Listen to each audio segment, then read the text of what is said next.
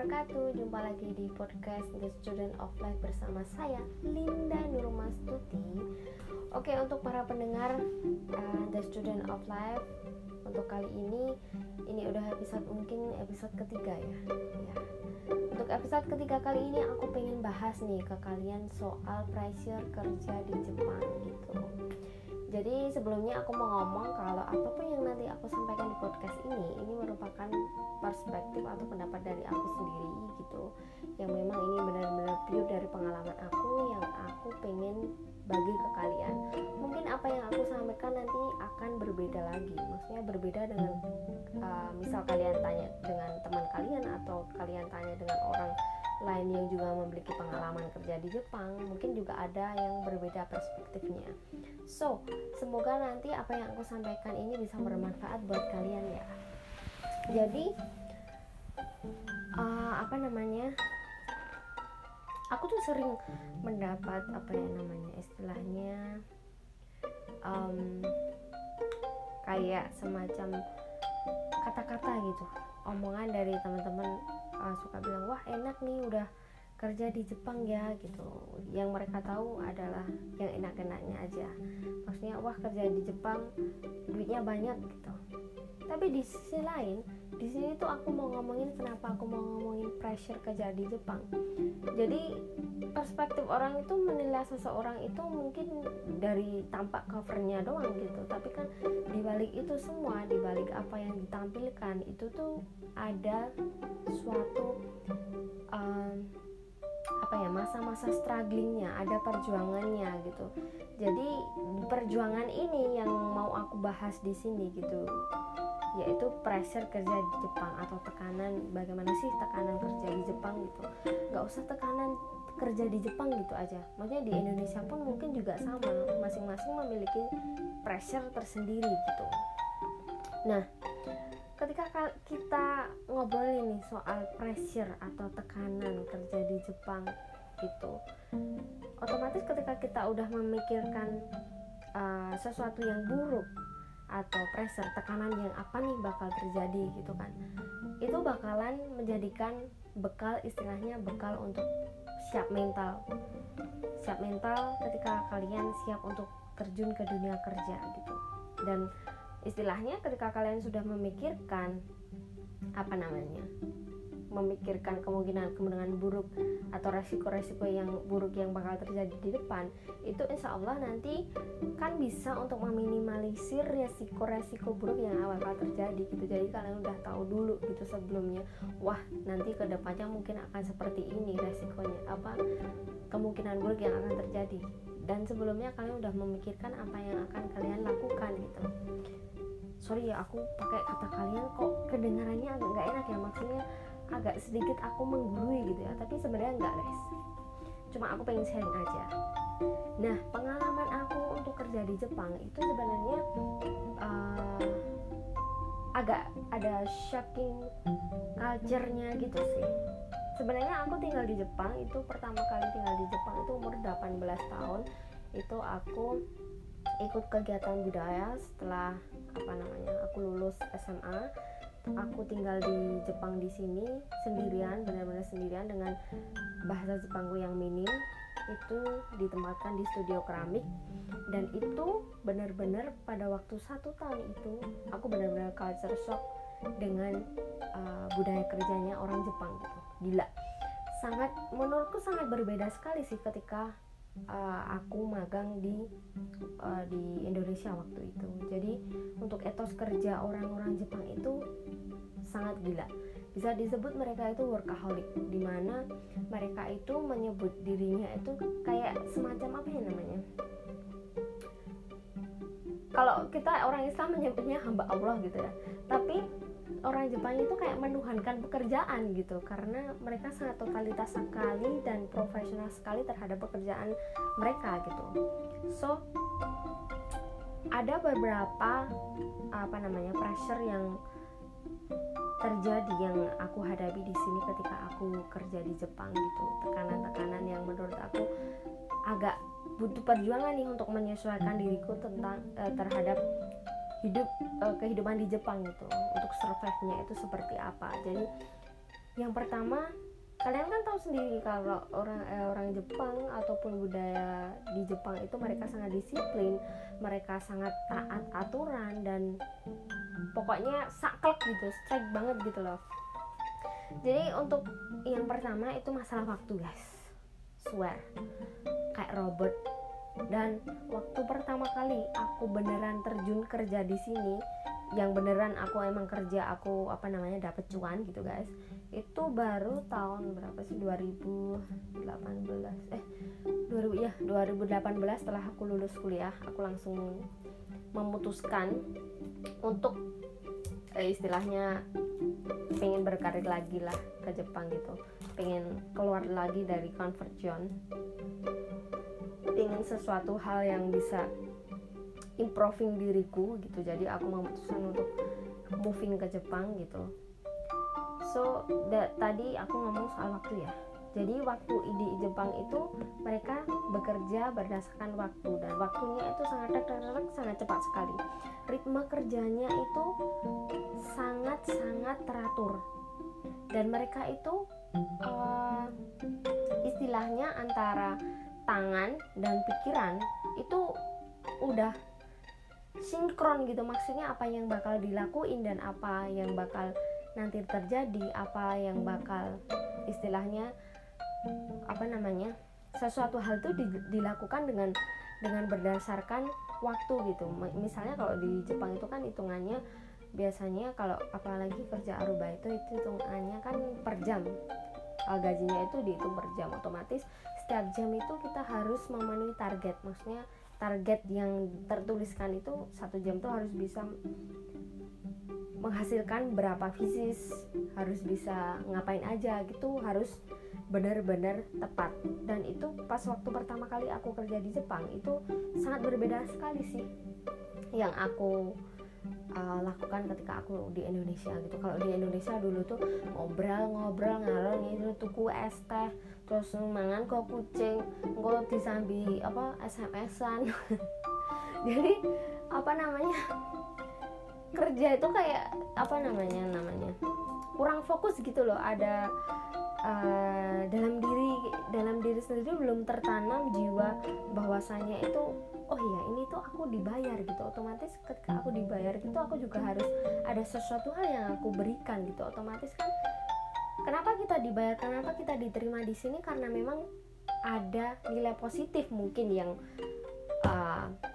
orang-orang uh, atau direktur pikir tentang kita gitu makanya kita diterima untuk kerja di sini gitu so jadi untuk ritme kerja itu sangat penting sekali ketika kalian bekerja di Jepang. Jadi kalau kerja di Jepang itu emang benar-benar apa namanya waktu itu sama dengan uang. Gitu guys. Kedua adalah bahasa.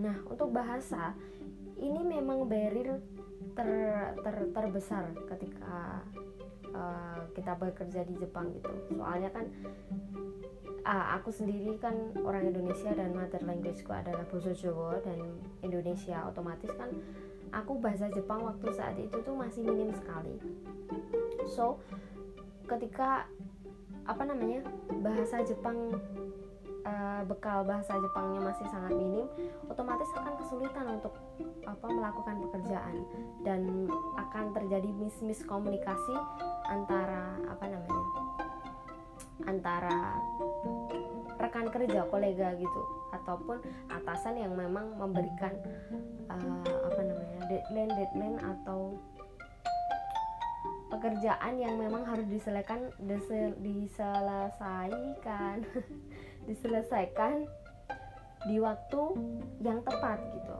jadi emang penting sekali untuk bekal bahasa itu untuk kalian yang mau bekerja di Jepang dan wajib sekali sih karena komunikasi itu sangat penting.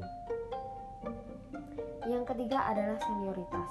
Nah, ini menurutku senioritas itu sangat sekali berlaku di Jepang, apalagi ketika kalian buat kalian yang baru istilahnya cindil-cindil yang baru cindil-cindil yang apa namanya anyaran anak-anak baru gitu istilahnya. Anak-anak baru yang maksudnya baru pertama kali masuk ke perusahaan itu bakalan atasannya itu adalah seniornya. Maksudnya orang yang udah duluan kerja di situ. Nah di situ peran senior itu sangat penting sekali. Dan kadang-kadang yang paling ngeri itu tekanannya itu ketika kadang kalau misal pekerjaan nggak bener gitu. Kadang tuh senior tuh suka apa ya marah dan marahnya itu terkadang bikin bingung gitu. Maksudnya dia marah marahnya tuh nggak ngomong marahnya tuh diem. Maksudnya diem dengan muka yang asem banget gitu. Mau mau nyapa juga gimana mau mau nyapa salah mau nggak nyapa juga gimana salah juga gitu kan. Kadang itu yang paling kejam yang paling kejam kalau di sini itu tuh mereka nggak ngomong tapi kayak bantingin barang gitu loh. Itu udah sesuatu kode gitu. Jadi agak sedikit killer gitu guys. Jadi di sini aku nggak nakut-nakutin emang begitu kenyataannya gitu. Jadi pressure kerja di Jepang itu seperti itu. Jadi aku di sini memang ngomongnya itu ngomongin nggak enaknya gitu nggak enaknya nggak enaknya kerja di Jepang. Maksudnya nggak enak yang bakalan jadi enak gitu. Yang enaknya juga banyak gitu tapi di sini aku lebih ngomongin yang nggak enaknya gitu So yang kemudian adalah homesick. Ini adalah hal yang sangat jelas sekali ketika homesick itu karena otomatis ya jauh dari Indonesia di mana kalau di Indonesia kita bisa makan di angkringan dengan mudah kita bisa beli es teh kita bisa beli kopi dan lain sebagainya dengan harga seribu perak kalau di sini guys boro-boro kalian ke 7-Eleven aja apa namanya ngopi aja dua puluh ribu. Kan eman eman ya? Maksudnya uh, apa namanya dengan harga yang sangat berbeda dengan Indonesia itu membuat culture shock juga gitu. Homesicknya di sini kalau aku ya kalau aku keseringan rindu apa namanya rindu rindu apa namanya makanan Indonesia. Kan makanan Indonesia emang di sini banyak. Maksudnya agak jauh sih. Banyak tapi juga harganya itu istilahnya bahasa Jawa ini murni gitu. Jadi harganya juga lumayan mahal. Kalau misal pengen apa namanya makanan Indonesia juga harus beli online gitu. Jadi otomatis harus merogoh kocek yang lebih dalam lagi seperti itu untuk dukanya kerja di Jepang gitu. Nah, kenapa aku di sini bahas soal pressure kerja di Jepang, nggak bahas soal sukanya? Karena ketika kita bahas soal sukanya, otomatis sesuatu yang kita sukai, sesuatu yang menyenangkan atau sesuatu yang mengenakan itu otomatis setiap orang itu sudah bisa menerima gitu. Maksudnya nggak nggak perlu ditanya lagi, nggak perlu ditareni menaiki pasti orang-orang itu kalau misal menerima sesuatu yang mengenakan itu bahagia kan seneng kan nah ketika orang menerima sesuatu yang gak mengenakan itu kadang mengagetkan gitu kan. Maksudnya kita sendiri juga belum siap menerima sesuatu hal yang memang hal buruk yang bakal yang terjadi gitu. Makanya di sini aku ngomongin pressure bekerja di Jepang apa namanya istilahnya kayak buat gambaran kalian supaya kalian siap minta lah sebelum kalian emang benar-benar kerja di Jepang gitu. Nggak usah di Jepang deh di Indonesia pun juga sesuatu hal ini sangat berlaku gitu. Satu tahun pertama ketika kalian bekerja terjun di dunia kerja pekerjaan entah di Jepang maupun di Indonesia entah di perusahaan apa A B atau C itu satu tahun pertama itu adalah satu tahun yang sangat tersulit gitu. Karena kalian perlu penyesuaian dengan ritme kerja pen, perlu penyesuaian dengan apa namanya apa yang kalian kerjakan dalam dalam pekerjaan kalian gitu jadi itu apalagi kalau kerja di Jepang itu dua kali lipat satu tahun pertama itu dua kali lipat lebih sulit atau tantangannya itu lebih wow dibandingkan kalau di Indonesia dengan tambahan apa namanya perbedaan musim, perbedaan bahasa, perbedaan karakter orang-orangnya gitu. Dan kebetulan kalau di sini aku emang kerjanya kan sama-sama orang maksudnya aku orang Indonesia sendiri gitu. Jadi satu perusahaan itu aku orang Indonesia sendiri dan teman-temanku itu orang lain adalah orang Jepang. Otomatis di situ aku harus bisa membaur maksudnya menyesuaikan dengan budaya mereka. Karena di sini aku tinggal di negara orang gitu. Nggak boleh macam-macam istilahnya. Di mana bumi berpijak jadi di situ langit dijunjung gitu. Di mana kalian berada ya kalian harus taat dengan peraturan yang ada di situ gitu entah itu bahasa cara bahasa ataupun secara lingkungan kerjanya etos kerjanya budaya uh, kerjanya kemudian budaya hidupnya gitu kalian juga harus bisa menyesuaikan dengan itu. Nah itu satu tahun pertama itu adalah satu tahun yang kalian terselip. Kalian siap atau enggak ya harus siap gitu. So kalau pesan dari aku sih uh, untuk kalian yang apa namanya istilahnya pengen uh, akan masuk ke ini apa namanya lingkungan kerja gitu. Cobalah kalian untuk berani keluar dari comfort zone gitu. Kata mbak mau Mayunda dah kata mbak mau di mbak mau Mayunda mbak mau di Ayunda. Aduh ntar aku dikoplok lagi. Salah nyebut nama. Kata mbak mau di Ayunda itu kan bilang toh ketika kita berada di lingkungan yang memang kita kuasai maksudnya di comfort zone kita di situ adalah kita adalah orang yang paling nggak bisa tumbuh gitu. Tapi ketika kita berada di zona apa namanya zona bukan di, di di luar comfort zone kita gitu itu kita bisa tumbuh kita bisa mengimprove skill kita bisa belajar sesuatu hal yang baru gitu jadi kita memiliki tantangan di mana kita itu bisa melatih diri kita secara skill maupun mental kita untuk bisa menjadi pribadi yang lebih uh, baik lagi gitu. Nggak melulu kayak gitu gitu. Pasti kan setiap orang punya tujuan punya apa namanya punya tujuan punya punya hal yang pengen dicapai gitu. Otomatis kan ketika kita dihadapkan pada sesuatu situasi maupun kondisi yang istilahnya kita tidak kuat tidak mampu kuasai gitu.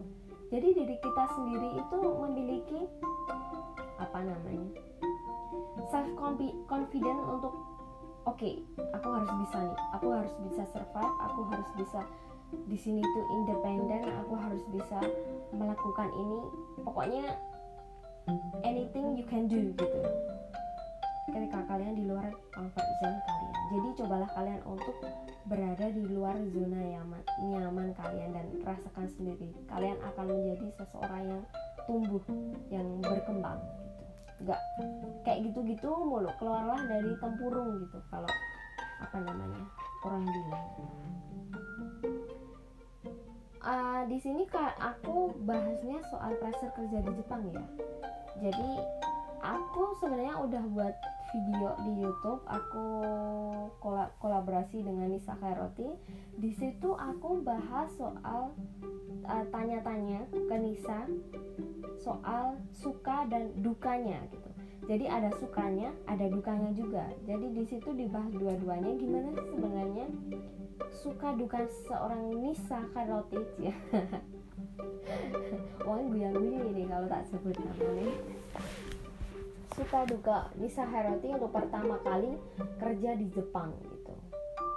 Sekarang kan kalian udah denger pressure kerja di Jepang gitu sebagai apa namanya istilahnya eh, persiapan mental buat kalian gitu. Jangan jadikan apa yang aku omongin ini sebagai sesuatu momok yang ah, momok. Sesuatu yang sangat menakutkan gitu. Tapi apa namanya jadikan ini sebagai semangat gitu sebagai tantangan gitu.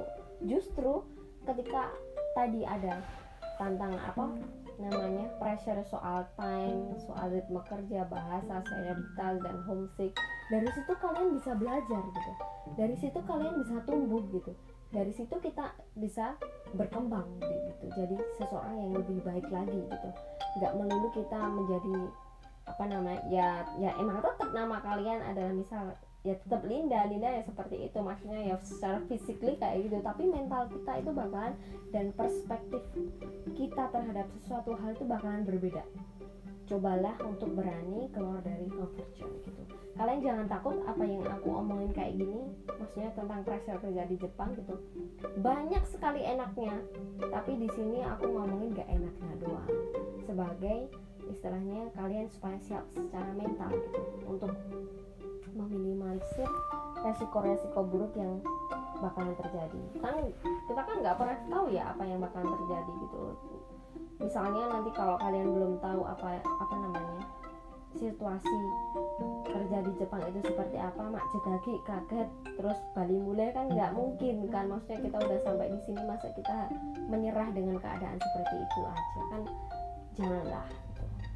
Oke jadi semoga untuk episode kali ini di apa episode kita bahas soal pressure kerja di Jepang jadi seperti itu. Mungkin tadi seperti aku yang sampaikan apa yang aku sampaikan ini mungkin nanti berbeda dengan perspektif orang lain gitu. Jadi kalau misal ada sesuatu yang baik silahkan diambil. Kalau misal ada sesuatu yang salah jangan diambil. Simpan aja atau ya jangan hiraukan gitu. Semoga ini bermanfaat dan sampai jumpa di episode lain. Lagi nanti kita ketemu kita uh, apa namanya sharing lagi sama-sama soal pengalaman gitu. Karena menurut saya semua orang itu adalah the student of gitu. Sok-sok banget ya kita belajar dari pengalaman-pengalaman yang ada gitu. Oke semangat terus untuk meraih mimpi. Dan sampai jumpa di episode selanjutnya bersama saya Linda the student of life. Assalamualaikum warahmatullahi wabarakatuh. Thanks for listening. thank you